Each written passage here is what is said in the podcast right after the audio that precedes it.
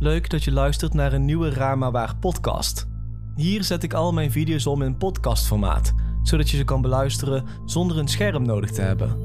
Vergeet ook zeker niet de Raar maar Waar YouTube pagina te bezoeken, als je dit soort verhalen interessant vindt. Laten we beginnen met deze podcast.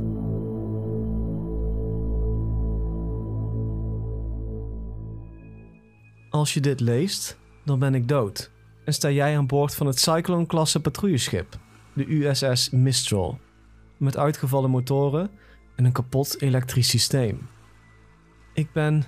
Nee, ik was de luitenant van dit schip. Mijn naam is luitenant Overste Ryan Simmons. Lees het alsjeblieft aandachtig. En als je een soldaat bent, dan is dit een order. Zink dit schip per direct. Stop met lezen, ga van boord en breng het schip naar de bodem van de oceaan. Zie dit als een quarantainescenario. Alle matrozen zijn waarschijnlijk dood. Mogen God je helpen als dat niet zo is. We waren acht dagen geleden vertrokken van Kirkwall in Schotland. Erop uitgestuurd om een noodsignaal te onderzoeken, wat we ontvangen hadden van waarschijnlijk een IJslandse vissersboot, de Magnus Dottir. Het signaal kwam diep uit het verboden te vissengebied in de Noordzee. We hebben het schip gevonden, of nou ja, liever stukken van het schip. We vonden een mijllange strip van olie en brokstukken, waarvan het grootste gedeelte nog brandde. De avond ervoor had een van mijn mannen gerapporteerd dat ze een grote lichtflits aan de horizon gezien hadden. De crew van het schip was nergens te bekennen, behalve één visser die op een van de grotere brokstukken dreef. Hij was in zijn voorhoofd geschoten door een klein kaliber revolver. Toen zijn lichaam opviste, klampte hij nog steeds een mes in zijn koude handen. De reden voor de ondergang van het schip wisten we in elkaar te puzzelen door logboeken en bewijsmateriaal. Om onduidelijke redenen was er een conflict uitgebroken op het schip, waardoor op zijn minst één persoon vermoord is en de rest van het schip gesaboteerd was en tot zinken gebracht. Het zicht was maar een paar tientallen meters toen we de volgende dag aan het dobberen waren tussen de wrakstukken, op zoek naar meer overlevenden. Mijn crew was behoorlijk ontdaan door de ontdekking van het schip. De grauwe gloed van de mist en de smeulende brokstukken lieten zelfs de meest ervaren mannen rillen van angst. We dachten dat dit een snelle reddingsmissie zou worden, waarbij we een dankbare IJslandse crew uit het water gingen vissen. Maar in plaats daarvan kregen we stilte. Een met olie besmeurde oceaan, een lichaam en tientallen brandende vragen. Ons schip was net terug van een servicebeurt en in perfecte staat. Dus ik kan alleen maar aannemen dat de eerste mechanische mankementen kwamen door sabotage of een onbekende kracht van buiten. Het gebeurde de eerste avond, net nadat onze eerste zoektocht naar IJslandse bemanningsleden afgerond hadden en we de noodoproep van het IJslandse schip nog een keer terugluisterden. Er was niets vreemds op te merken aan het bericht. Een roep om hulp en vervolgens de coördinaten. Ik was mezelf net klaar aan het maken voor de nacht, toen de kapitein mij en de rest van de bemanning naar de boeg riep. Ik vroeg om informatie, maar kreeg te horen dat ik gewoon per direct moest komen. Ik kleedde mezelf snel aan en verscheen op de boeg, waar de sfeer ongemakkelijk en angstig was. Ik werd gevolgd door de rest van de bemanning, die allemaal even gehaast en angstig uit hun hutten tevoorschijn kwamen. Niemand maakte oogcontact en niemand praatte. Het was ongebruikelijk helder en koud die avond op de boeg. De helderheid van de sterren brandde in de koude lucht. Om ons heen, in elke directie, zagen we de mist, die op tientallen meters om het schip heen hing. De kapitein hing over de reling, samen met de mannen die die avond dienst hadden. Ik stapte in paniek naar hem toe, met de gedachte dat we misschien ergens tegenaan gevaren waren, tot ik het plotseling zag. Er kwam licht onder het schip vandaan. De zee was compleet vlak en er was geen golf te bekennen. Het water was donkerzwart en reflecteerde het licht van de heldere sterren. Maar onder het wateroppervlak gloeide er iets met een koud licht. Het pulseerde in de kleuren violet, groen en een diepe kleur blauw. Het is moeilijk te beschrijven, maar het licht leek wel te leven als je zag hoe het onder het schip bewoog. We staarden ernaar. Twee dozijn mannen en vrouwen die niet wisten wat ze zagen. Je kan je niet voorstellen hoeveel of hoe groot het licht was. Het leek net alsof er honderden, zo niet duizenden, fantomen onder het schip waren. Ze waren vreselijk groot en ontzettend snel. Ze hadden geen vaste vormen en we zagen geen rimpels in het water door de bewegingen. Er was alleen een diep veld van vloeibaar licht. We keken voor wat wel uren leken, geobsedeerd door de vreemde voorstelling onder het wateroppervlak. Het was bijna een weerspiegeling van het noorderlicht, toen het ineens abrupt stopte. Er gebeurde vrijwel meteen drie verschillende dingen. Ten eerste leek het wel alsof de lichten die we onder de boot zagen samentrokken. Ieder licht bevroor op zijn plaats en verdween langzaam. Ten tweede was er plotseling een druk in de lucht. Alsof de bliksem net naast ons in was geslagen. Terwijl de lichten onder het schip langzaam uitstierven, werd de druk in de lucht steeds erger. Het werd zo erg dat ik dacht dat mijn ogen zo uit mijn hoofd zouden knallen. Door de pijn hoorde ik plotseling een zoemende vibratie die van het schip zelf leek te komen. Het was net alsof elke lamp op het schip plotseling overspoeld werd met elektriciteit. Alle lampen werden enorm fel en begonnen te zoomen. Ze werden zo fel dat iedere lamp het begaf en uit elkaar klapte in een regen van vonken. Van start tot einde had het hele gebeuren nog geen twee seconden geduurd. En dreven we nu in het donker op een stille oceaan, onder een sterrenhemel en met een kapotte boot. De schade was onzichtbaar en niet te verklaren. Niets aan boord van het schip werkte. Zelfs de reservelampen en onze zaklampen waren gesprongen. De satelliettelefoons, radio en alle andere vormen van communicatie waren kapot. Elke batterij aan boord was doorgebrand en het interne communicatiesysteem was gesmolten. We waren nu ongecontroleerd aan het ronddobberen, zonder zeilen of motor. Verwijderd van het vasteland door honderden kilometers van pikzwarte oceaan. Die eerste avond navigeerde de crew door het schip als een stel mollen. Zichzelf voelend een weg door de donkere gangenbanen, die alleen verlicht waren door een paar breaklights. Elke update van de systemen werd door het schip heen geschreeuwd. En al snel wist iedereen dat niets werkte. De kapitein en ik wisten niet wat er zojuist gebeurd was. En ontmoedigd door de situatie, ging ik terug naar mijn hut. Er was toch niets anders wat ik kon doen dan slapen. Morgen, in het licht, konden we beter onderzoeken wat we moesten repareren. Die avond voelde het alsof de duisternis een grote hand was, die langzaam ons steeds beter in zijn greep kreeg.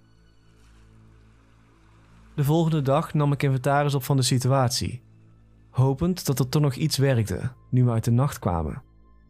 Maar de schade was alomvattend. We moesten een manier vinden om een noodsignaal te versturen, hopend dat we niet te ver afgedobberd waren van onze laatste coördinaten. Niet iedereen wist in alle details hoe erg de schade was, maar het was aan iedereen's gezicht af te lezen dat ze wisten dat we in een moeilijke situatie zaten. De eerste dood kwam die middag. Het geluid van geschreeuw bracht me boven het dek en in een dikke mist.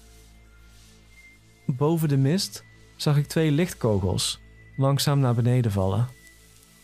Een of andere idioot had de flareguns afgeschoten. Ik voelde hoe ik plotseling kokend was door woede. Een woede die ik nog nooit eerder gevoeld had. Ik rende het dek op met mijn vuisten gebald. Maar mijn woede siepte meteen weg toen ik op de boeg aankwam. Ik zag hoe een van de matrozen met een flarepistool in zijn handen op de grond lag in een flinke plas bloed. De kapitein stond over hem heen gebogen en was zijn laars in het compleet gebroken gezicht van de aldode jongen aan het boren. Ik realiseerde me dat het geschreeuw wat ik hoorde van de kapitein afkwam. Het gezicht van de kapitein had een soort dierlijke woede, die, zolang ik hem al ken, nog nooit gezien had.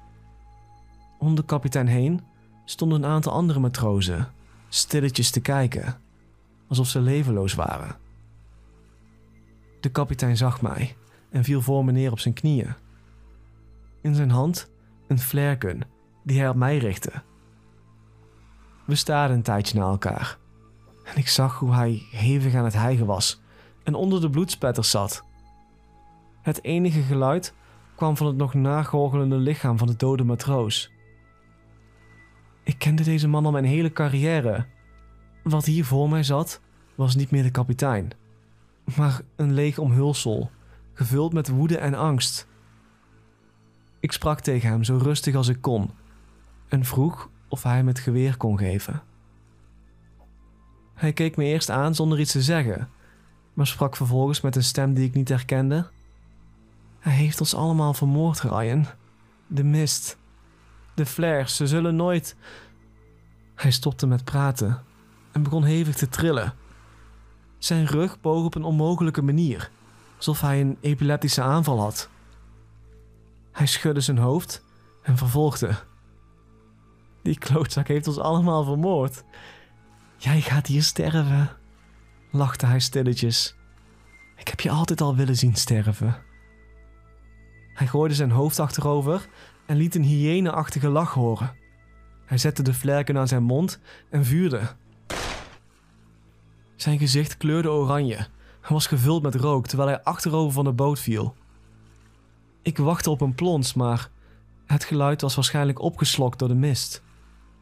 Ik stond daar voor wat leek een lange tijd. En het begon me langzaam te dagen dat ik helemaal alleen was.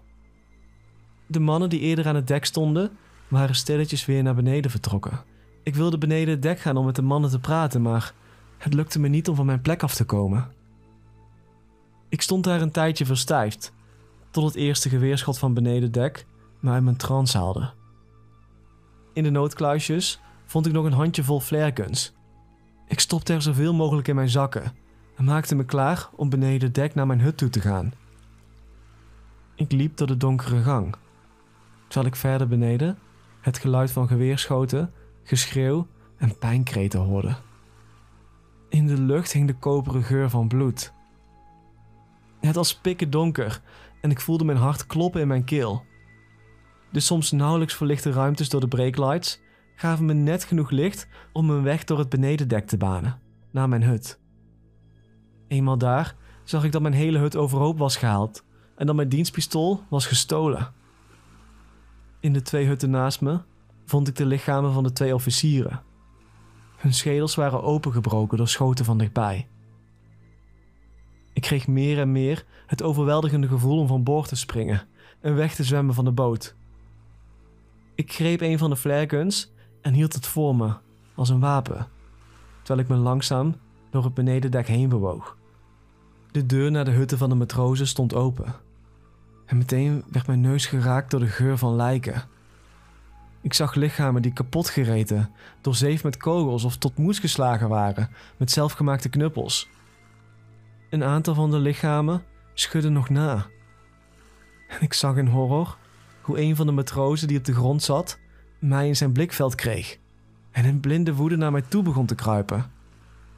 Hij liet een zachte schreeuw en ik zag hoe zijn been compleet verbrijzeld was. Plots uit de schaduw sprong een andere man recht op hem en poorde zijn schoenen de rug van de al gewonde man. Ik hoorde een luide krak en de kruipende man stortte in. In het dimme groene licht herkende ik de jongen die net uit een van de donkere kamers sprong. Hij was net als de kapitein een rustige gast die nog geen vlieg kwaad zou doen. Dit was niet dezelfde jongen. Dit was iemand anders die zijn huid droeg. Ik schrok van die jongen waardoor hij mij zag.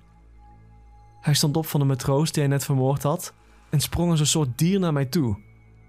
Ik vuurde de flerken af die de jongen vol in zijn borst raakte. Door de ontbranding vloog zijn shirt in brand en ik hoorde hem naar adem snakken door de kogel. Maar ondanks dat stopte de jongen niet en bleef hij naar mij toe rennen. Ik rende voor hem uit door de gang en wist snel een van de tussendeuren dicht te doen. Door het kleine raampje zag ik dat zijn haar en wenkbrauwen in brand stonden. Maar ondanks dat bleef hij op de deur stompen in plaats van het vuur uit te maken. Ik deed de deur snel op slot en keek nogmaals door het kleine raampje. Daar zag ik hem in blinde woede op de deur slaan. Zijn lippen waren compleet weggebrand en ik zag twee rijen witte tanden. Hij bonkte nog vier, vijf keer tegen de deur aan en verdween toen langzaam, nog narokend in de duisternis. Ik heb inmiddels alle ingangen beneden dek gebarricadeerd en heb mezelf veroordeeld tot een trage dood door de kou. Ik kan de levende beneden dek nog horen schreeuwen en slaan op de deuren. Het zijn niet meer de mannen en vrouwen die ik ken. Ik troost mezelf met deze gedachten, terwijl ik ze daar beneden achterlaat om elkaar uit te moorden of te verhongeren. Als je tot zover gelezen hebt en deze waters nog niet ontvlucht bent, of God verbiedt nog steeds aan boord van het schip bent, dan smeek ik je. Verlaat deze plek nu het nog kan. Ga niet naar het benedendek. Er is niemand meer aanwezig om te redden. Het is koud nu terwijl ik hier voor de derde nacht zit. Er zijn geen sterren meer in de nacht en ik zie alleen nog maar de mist. Als ik naar de motorkamer kon gaan om het schip te laten zinken of ontploffen, net als de dappere bemanning van het IJslandse vissersboot, dan had ik het zeker gedaan. Maar het is al te laat voor mij. Het schrijven wordt steeds moeilijker. Alsjeblieft, laat het schip zinken. Vertel niemand dat je ons gevonden hebt en kom nooit meer terug naar deze plaats. Er zijn dingen in deze wereld die ouder zijn dan mensen. Krachten die we nog niet kunnen begrijpen. En ze leven hier, onder de bevroren oceaan. Bedankt voor het luisteren naar deze podcast. Heb je zelf ooit eens eens iets meegemaakt? Laat het me dan weten via mijn Twitter of Instagram. Mijn naam daar is Marcello1. Dat is Marcel L-O-W 1. Nogmaals bedankt voor het luisteren en tot de volgende keer.